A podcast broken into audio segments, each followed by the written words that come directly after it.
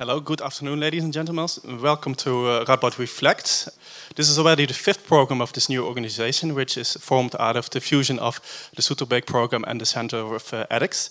We offer you re reflections on the big questions of society and uh, science of our time. The programs of Radboud Reflects are free to visit for students and employees of the university. Um, my name is Dave Willems. I'm a programmer at Radboud Reflects, and today we're going to talk about TTIP. Uh, TTIP is the trade agreement which is being discussed uh, behind closed doors in Brussels. It's a trade uh, agreement between the United States and um, Europe. Supporters promise us big economic growth, but the critics fear that the notorious chlorinated chicken, I think Evert is going to talk about it, is coming to uh, Europe and that big multinationals will get a lot of power in Europe. Professor Corporate uh, Strategy Hans van Kranenburg will introduce the topic. But first, no, sorry, I have to say afterwards um, we have a discussion between Maite Choon-Ahi and Hans van Kranenburg. But first we're going to listen to a column of uh, Professor in Social and Political Philosophy Evert van der Zweerde. Evert, the floor is yours. This, ladies and gentlemen, is a so-called chloorkip. What I just did, chlorinating a chicken, is forbidden in the Netherlands. If, however, we let TTIP have its way, these critters are going to flood our fridges before you can properly spell genetically manipulated corn, which is what they get for lunch if they are very lucky. We don't want these chloorkippen here, now do we? Keep your junk but nicely at your own. We don't want Amerikaanse toestanden. If you let Google translate this, you get American states, which suggests quite something else. You can also think of expressions like to be in a state, but still that doesn't, doesn't catch the Dutch word toestand. One can translate toestanden with conditions or situations or states of affairs, but none of it captures the Dutch word, which, depending on context, can be simply descriptive, but can also carry strongly negative, even desperate connotations. Like, just like gezellig, toestand is a highly idiomatic word. Just try to translate wat een gezellige toestand is het hier. But in any case, we don't want them here, those American toestanden. A 17th century English philosopher, John Locke, famously wrote, In the beginning, the whole world was America. He was referring to pre colonial America and suggested that prior to the invention of agriculture, private property, and cities, all humans had been living the kind of life that Native Americans were still living wild, free, uncivilized. One easily sees how, from this image of the Native American, both the figure of the noble savage can arise, as well as the figure of the primitive soul that urgently needs to be converted to Christianity in order to be saved, but otherwise better be dead. America, for Locke, was a present that soon would be past. In the early 19th century, another philosopher, George W. Hegel, just as famously wrote that America was the land of the future. Amerika ist somit das Land der Zukunft. He didn't really know what to think of Russia, and he didn't even mention China or BRIC countries. But about America, he wrote, Es ist ein Land der Sehnsucht für alle die, welche die historische Rüstkammer des alten Europa langweilt. Napoleon soll gesagt haben, Cette vieille Europe m'ennuie. For Hegel, America was part of what he called die Germanische Welt, an expression that is often misunderstood. Nothing was farther from Hegel than German chauvinism. Germany, by the way, didn't even exist. And he did not mean German, but Germanic, including the Netherlands, France, Scandinavia, and the Anglo Saxon world, including also North America which was then partly French.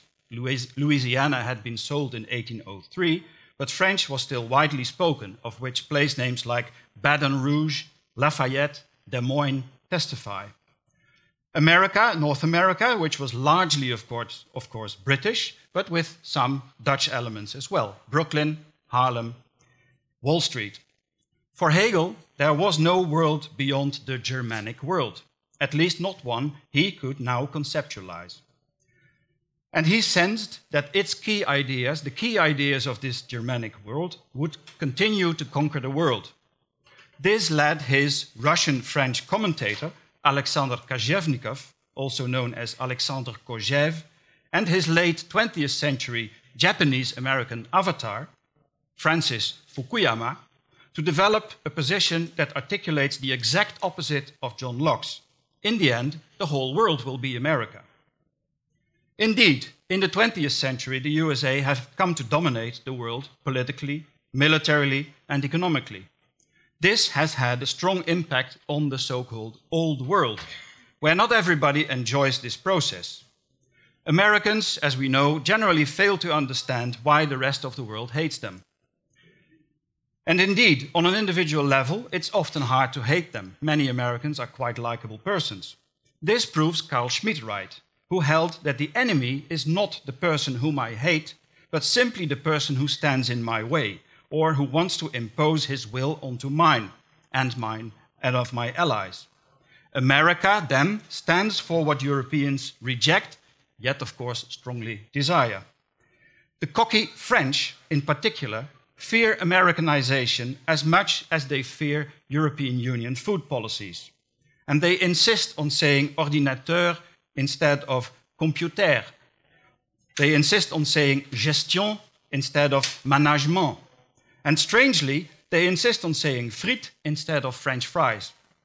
We, who say patat or friet, neither of which is Dutch, like to think of ourselves as more liberal. And indeed, we have already traded much of our native language for a mixture of Dunglish and gaming slang. But we, too, don't want Amerikaanse toestanden. We rather hold it out of the door. Have they now completely crazy become? On my body, no polonaise. From this angle, resistance against TTIP may seem as a natural, anti American, even traditional European reaction. But if we return to good old Hegel for a second, we see that what comes to us from the USA is a boomerang that we tossed into the air ourselves. It's part of the same Germanic world. It's a cookie of own dough. Besides, both for US Americans who come to Europe and for Europeans who visit the USA, it is clear that not only is Europe becoming more American, but America is also becoming more European. This concerns not only food, where the main difference is that American portions are always bigger, but also things like clothes. A mere 30 years ago, you could both see and smell US American tourists from a distance. And a mere 20 years ago, you could easily tell the Europeans from the Americans at international conferences checkered pants, and broad ties were, were sure Yankee signature. Most of this has disappeared. Some call it globalization, and indeed, TTIP, the Transatlantic Trade and Investment Partnership, is part of that. But before we start accusing Americans once again of spoiling our good taste and our supreme sense of quality, we might stop and ask ourselves what's really going on here. What's going on is the liberalization of trade and investment, the mutual opening of markets, including financial ones, which will make it possible, both in the US and in the EU, to import products that cannot be legally produced within one's own economic sphere. Chlorinated chicken are one example, but there are countless other examples of products that have the low prices they do as a result of the violation of animal rights or of production under label conditions that are illegal elsewhere. Nor is it a European privilege to be concerned about this. Americans fear EU made toys that do not meet the stricter US safety standards. The obvious next step is that European producers cross the Atlantic to produce there what they are not allowed to produce here, and vice versa. You don't have to tell an entrepreneur on which side his sandwich is buttered, now do you? So, will the whole post TTIP world be America? Perhaps, folks, we should not let ourselves be fooled again. Let's not have us sold turnips for lemons. There's nothing American about a chlorine chicken, nothing Indian about the money that buys Dutch steel mills, nothing Qataris about the money that purchases artworks for the Guggenheim Museum in Doha. French fries are no more French than French kissing is. So there's nothing American about Amerikaanse toestanden. We're talking about, straight and simple, the next step in a process of deregulation and liberalization that, as a phenomenon, is indeed global, but it's not American. Surely, neoliberalism spread from Chicago, but wasn't it invented by Austrian economists Friedrich von Hayek, Ludwig von Mises? And wasn't it popularized by a Russian novelist, Alisa Zinovievna Rosenbaum, also known as Ayn Rand? If being American stands for being ready to let yourself be fooled around by politicians from the very moment they are elected, then yes, the whole world is America. The real problem with TTIP is political. The fact that the agreement was reached at the level of the executive only. TTIP epitomizes the depoliticization of, in this case, the economy. The transfer of vital decisions to the level of governance, combined with the transfer of entire domains, such as agriculture or finance, from the public to the private domain, not keeping, but taking them out of the political. What United States and European Union citizens have in common is that no one ever asked them about TTIP. What they might share is protest and uprising against that situation. It's not about TTIP as such, it's about the politics behind it. After all, TTIP might be a very good idea if only EU countries would adopt strict US regulations for toys and their safety, while the US would adopt the EU legislation on labor conditions or a ban on chlorinating chicken.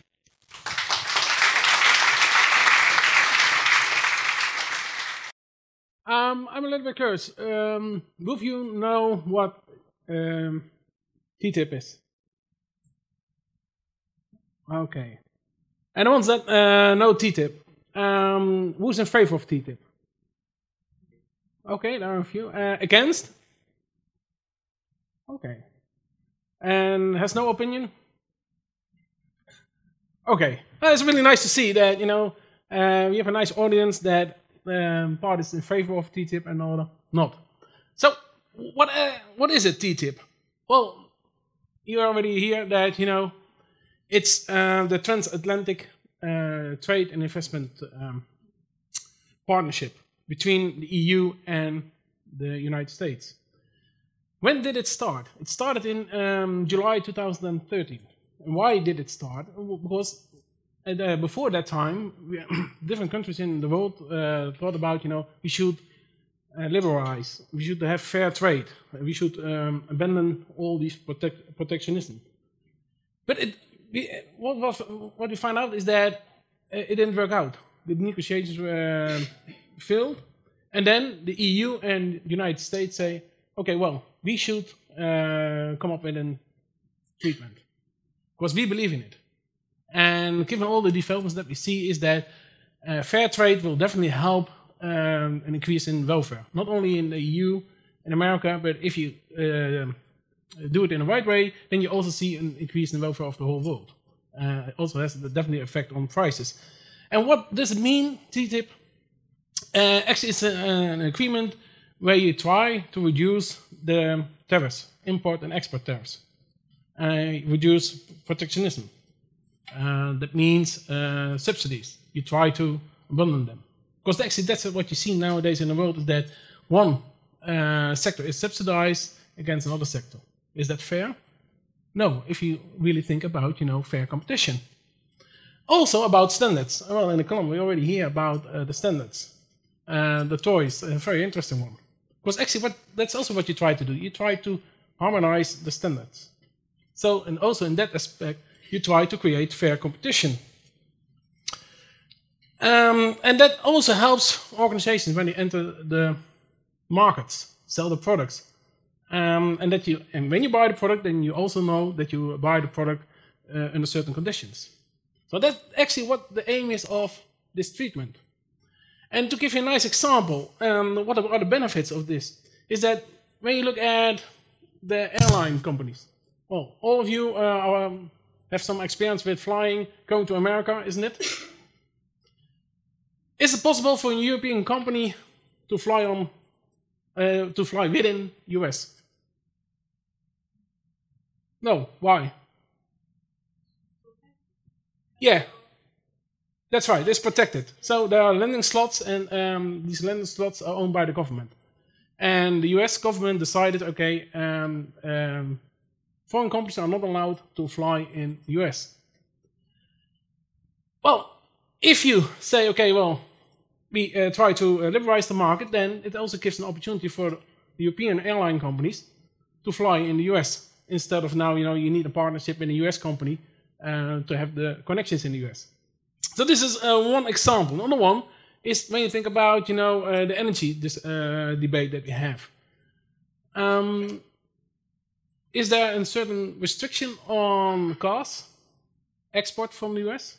Do you know it? There is. Because the Americans they have um, a limitation on uh, the amount of um, cars that they can be exported. Well, now if you look at the EU, we have the discussion about cars. We are really, the, for nowadays, we are dependent on uh, Russia. We have a, um, debate now with Russia.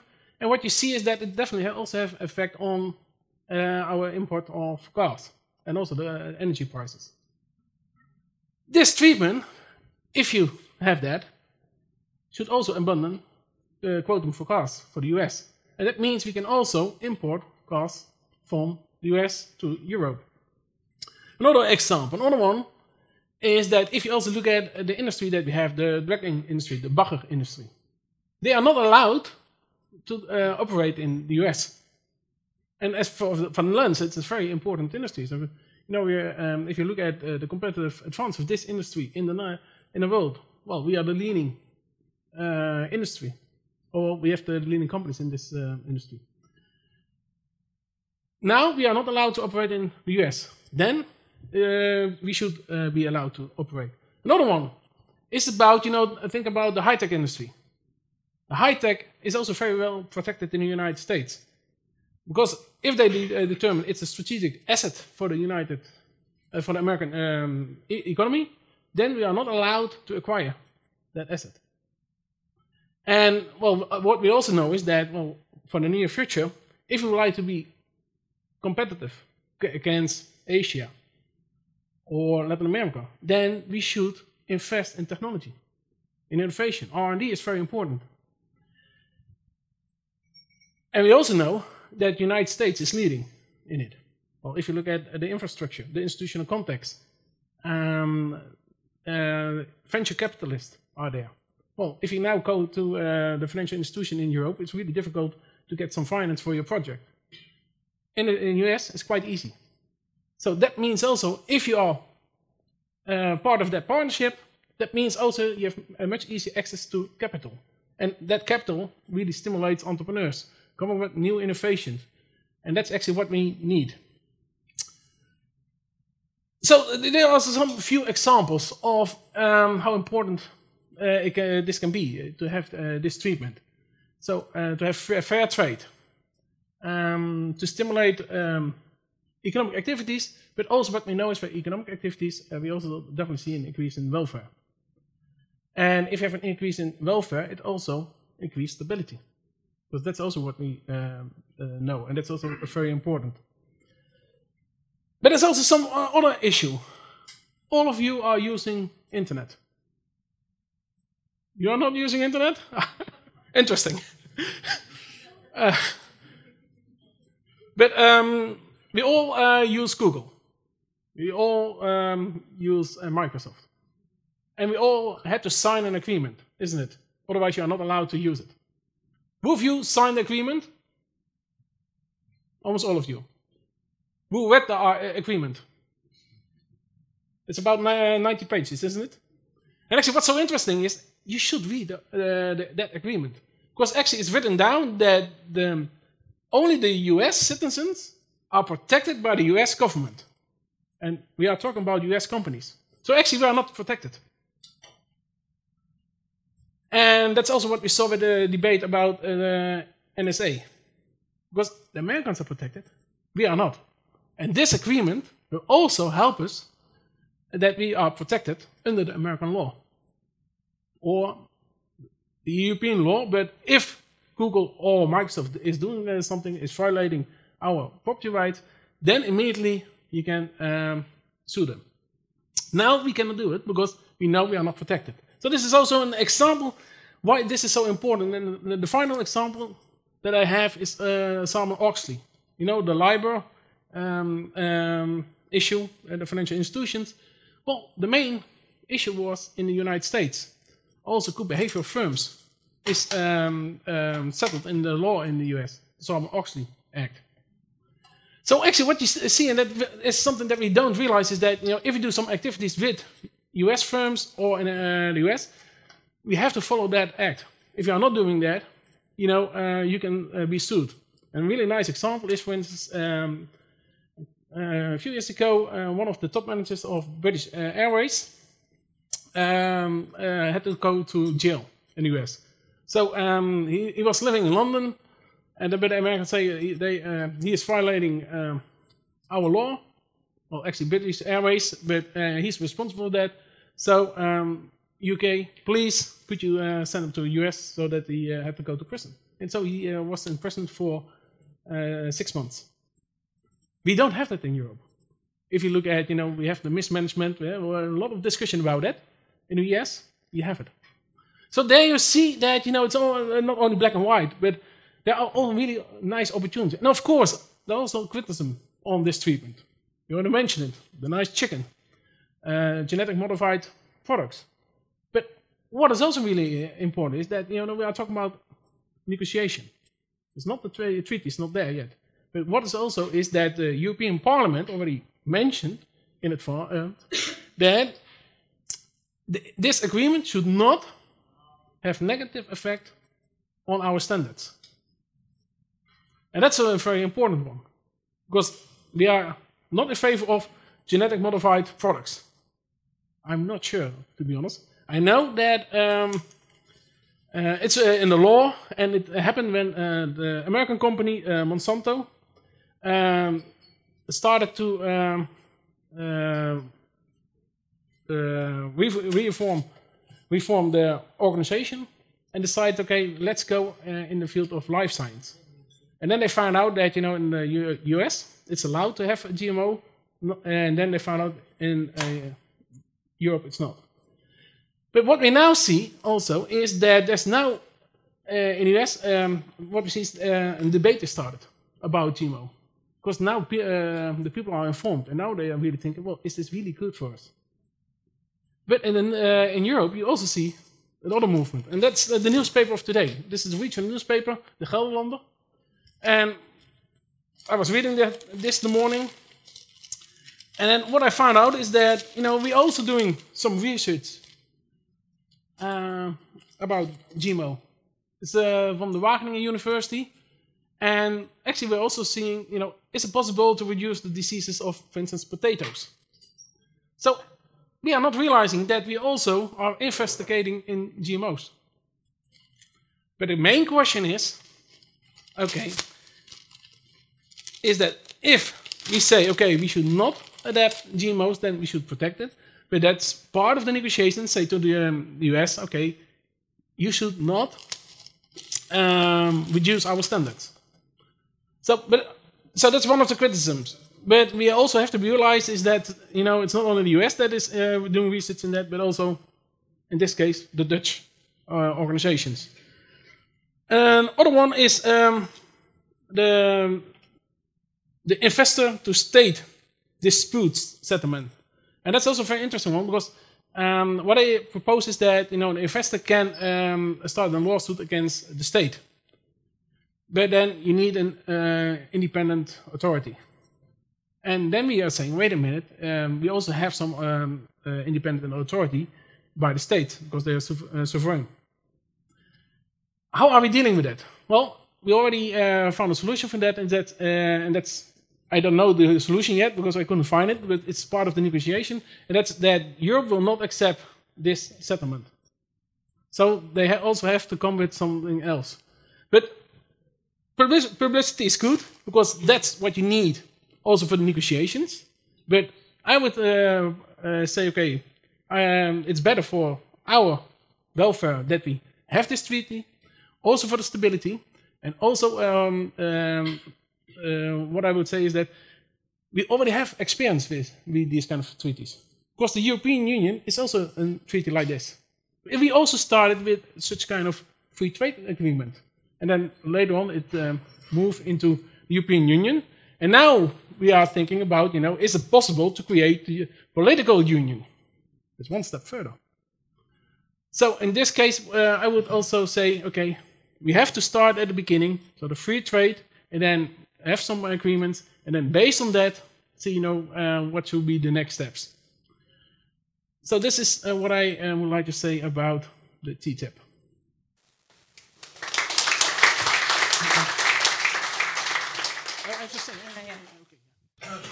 Okay, Hans, thank you very much. Uh, we're running a bit late, so I'll just ask you one question and I'll give you the floor because I'm sure you all have questions too. Um, I'd like to return to the problem Evert ended with in his uh, column because I think that's one of the main problems as well, and that is the place where this treaty um, is being reached, which is not at a political level. There's a lot of corporate involvement, a lot of lobbyist involvement. Um, and you describe it, you describe it in your uh, introduction as a morally neutral uh, treaty.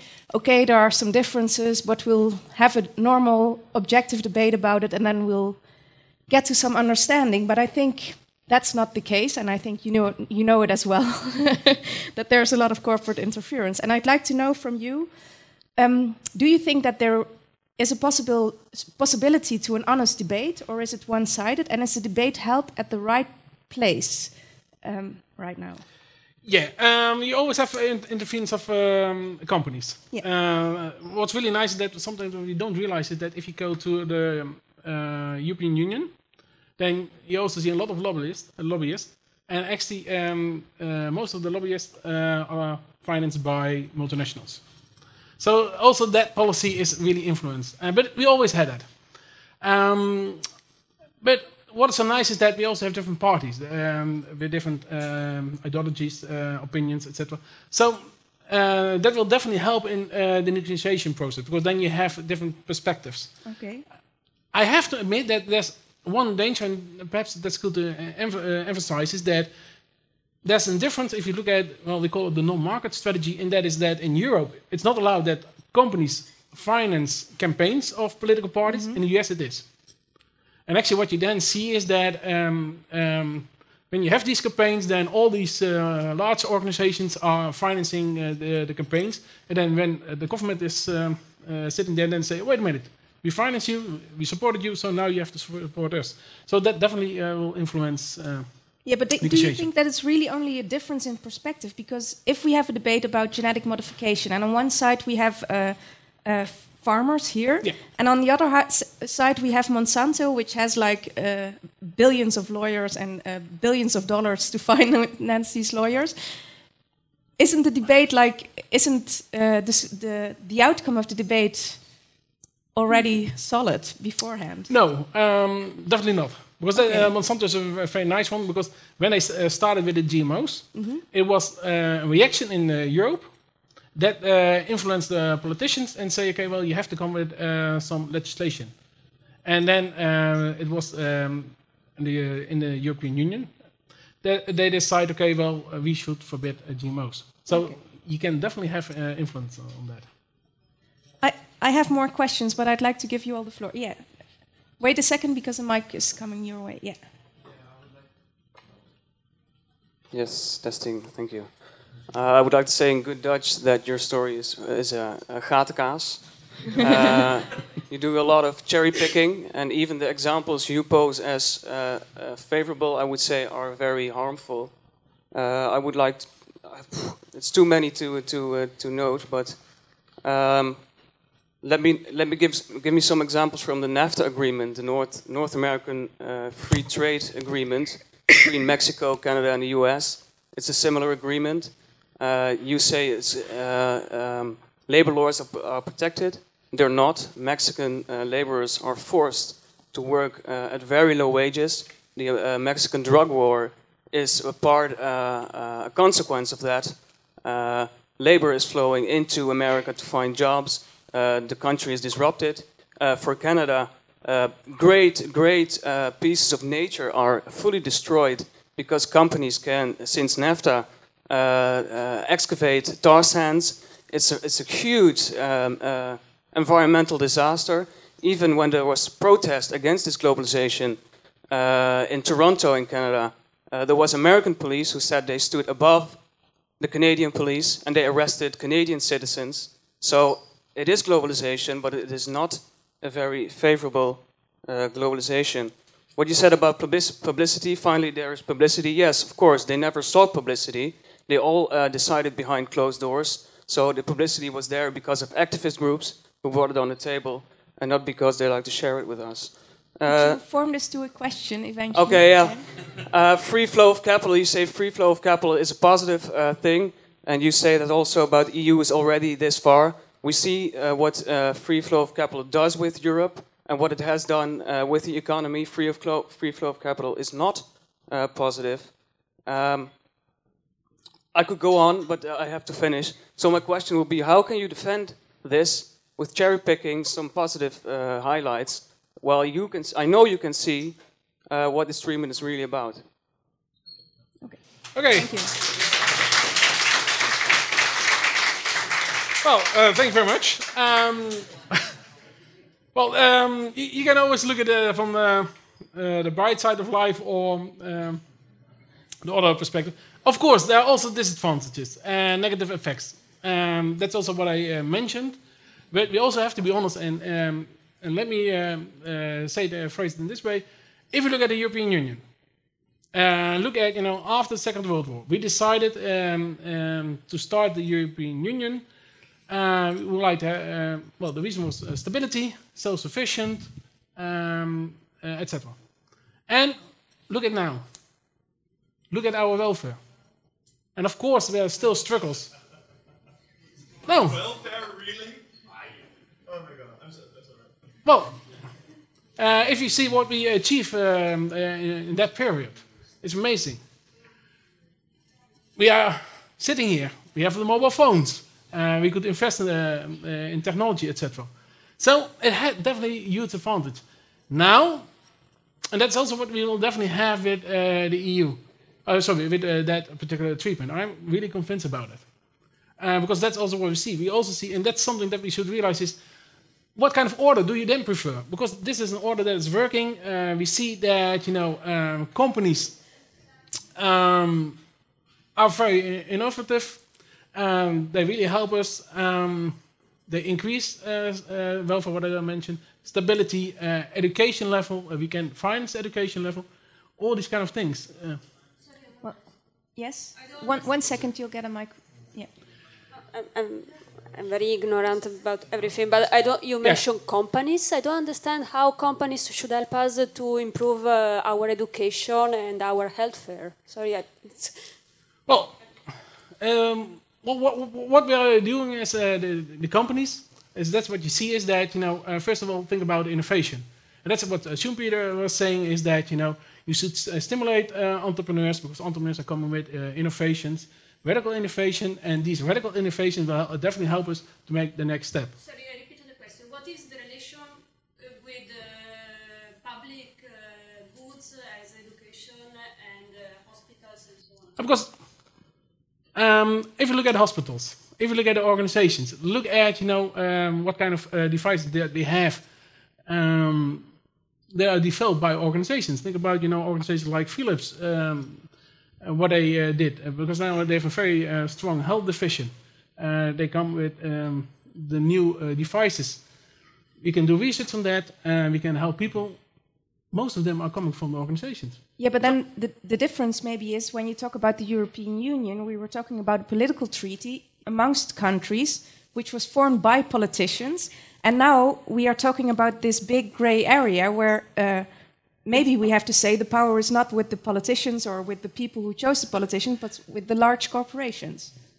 Then. It was always. It's always a combination. okay. Yeah, okay, okay, Uh, okay. Let, let me clear about that. Um, uh, what, what is really uh, for this kind of treaties? Um, uh, two comments I have. Uh, first of all, is that you know these treaties uh, you need politicians for that because they are the ones that make the treat, uh, treaties, and not the companies. Because the uh, companies can only inform and, uh, um, the politicians, and actually that's also what um, is happening.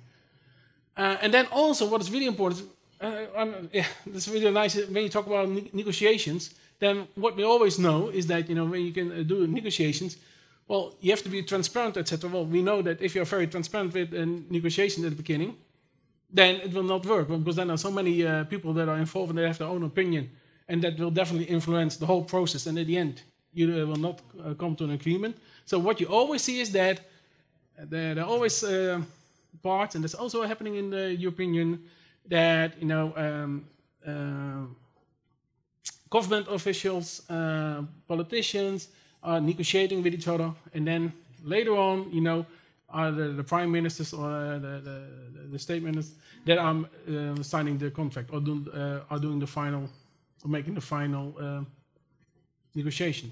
Yeah. We have a question in the back, and then I'll come back to you, and if we still have time to you, but I'm not sure. Yeah. Uh, thank you very much. Um, I find this entire perspective coming from the front to be a complete whitewash. The idea that Europe is doing well is a fantasy. Um, we're, we're, living in crisis. Greece has been is being destroyed as we speak. We have hundreds of thousands of refugees knocking on our borders, and living standards within the European Union have not increased even before the uh, uh, the start of the most recent crisis. Um, TTIP is a very difficult uh, subject to tackle, especially within 45 minutes. Um, I'm uh, part of an organization called the International Socialists, who are organizi organizing a, uh, a, a more in-depth discussion on the 15th of September. Uh, we'll be standing outside with flyers where you can talk about. Yeah, yeah. yeah My okay. question is coming. Um, so we can move past this nonsense about TTIP being some kind of wonderful free trade agreement.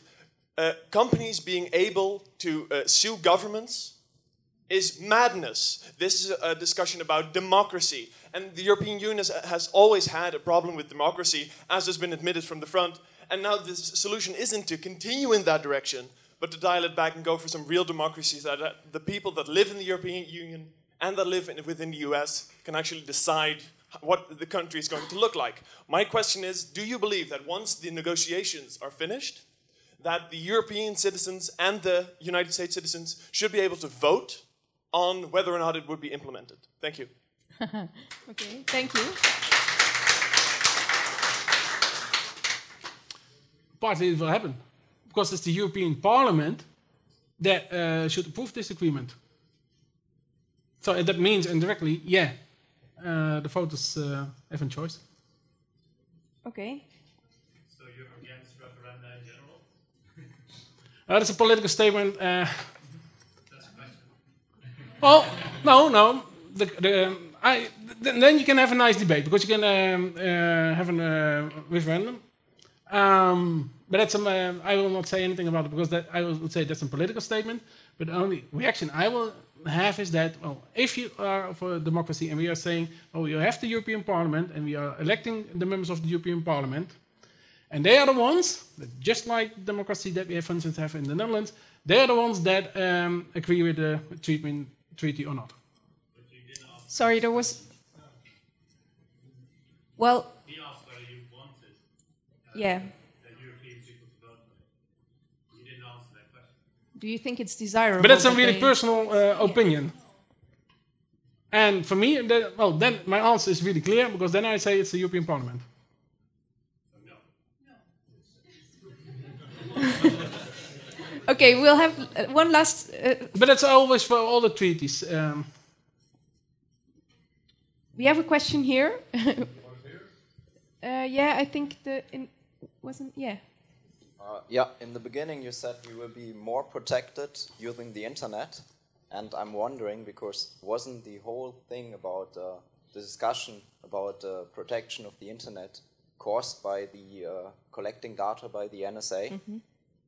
So in the end, if we give um, them more power, wouldn't that be a problem? I was thinking the same way. You said you said we are not protected by the U.S. government, and I thought, aren't we better off? But Because actually, the, didn't they uh, brought uh, European laws by collecting data? So if we give them the rights to collect them, well, they don't break any laws anymore because we just give them the rights to break, to, to don't break Yeah. laws because we don't have them anymore. I think. your question is clear. and that- that- that's clear. Then I go back uh, to the treaty. Then also what the European Parliament um, uh, mentioned is that you know we have our standards, and if the effect uh, if the effect is negative on our standards, then we will not agree. Yeah, sorry, there was one person before you. So Final question. You said that the European Parliament said uh, our standards are guaranteed, but um, at the end, will they sti- still be guaranteed? Because the, uh, an, an investor can say, uh, "Oh, it doesn't matter what you have said. Juridically, we have uh, the possibility to sell our products in Europe. We don't care about your standards." Well, um, what we have is uh, for certain products you need uh, approval. Otherwise, you are not allowed to sell the products. Uh, that's um, uh, with uh, medicines, uh, for instance. Um, for food, you also have that. So in that sense, it will always be protected. Um, and then if, but that's what uh, normally happens if they set certain um, products on, on the market, and then we say, okay, well, they are not the standards, then we always can go to court.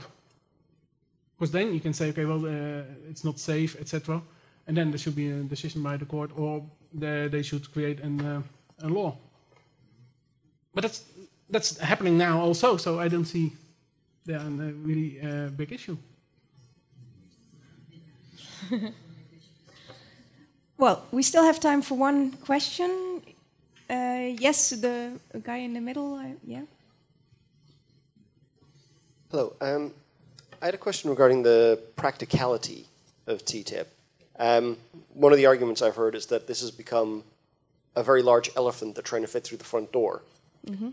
and that by, in particular, trying to harmonize all these different standardizations, which US authorities and European authorities have spent decades building up in completely different ways, they've actually made this entire treaty completely unworkable. Do you believe that there is a chance for this treaty in its current form, in its current capacity, to ever even possibly be implemented? Um, that, that- and that's also uh, what I mentioned at the end is that you know you, you have uh, different stages in the whole process, and if you ask me, then I would say okay, it's too complex now. So uh, first start, you know, have a simple agreement. If that is working, then you go to the next steps, just like the way we build up the European Union. So. Um,